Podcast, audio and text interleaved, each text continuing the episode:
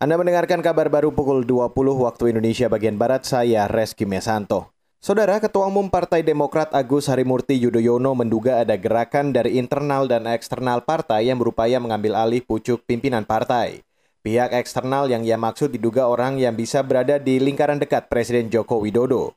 Upaya paksa itu diduga akan dilakukan melalui kongres luar biasa.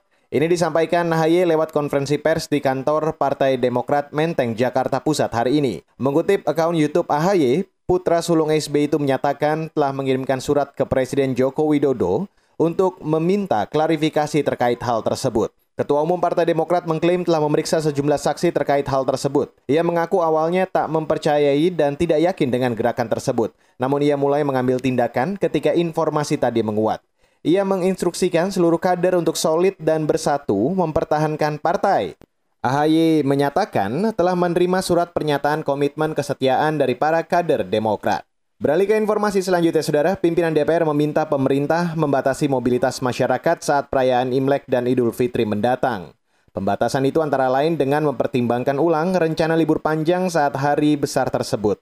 Hal itu disampaikan Wakil Ketua DPR Sufmi Dasko Ahmad menanggapi banyaknya pergerakan orang di tengah masa pemberlakuan pembatasan kegiatan masyarakat atau PPKM. Pada pemerintah sekali lagi bahwa agar rencana untuk libur-libur panjang seperti Imlek dan Lebaran agar ditinjau kembali karena biasanya setiap libur panjang itu kemudian akan ada laju dari virus corona. Wakil Ketua DPR Sufmi Dasko Ahmad juga meminta pemerintah segera menyusun strategi baru pasca evaluasi PPKM di Jawa Bali yang dianggap tidak efektif menekan angka kasus positif COVID-19 seperti memperketat protokol kesehatan. Sebelumnya, Presiden Joko Widodo mengakui kebijakan PPKM Jawa Bali tidak efektif menekan laju penyebaran virus corona. Presiden menginstruksikan PPKM dievaluasi menyeluruh.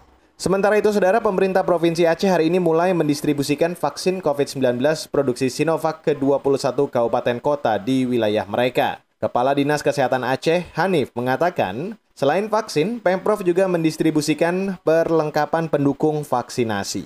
Total hari ini kita distribusikan ada 48.325 dosis beserta seluruh perlengkapan. Jadi vaksin ini nanti akan digunakan semuanya untuk petugas kesehatan di kabupaten kota, baik petugas kesehatan yang ada di puskesmas maupun yang di rumah sakit.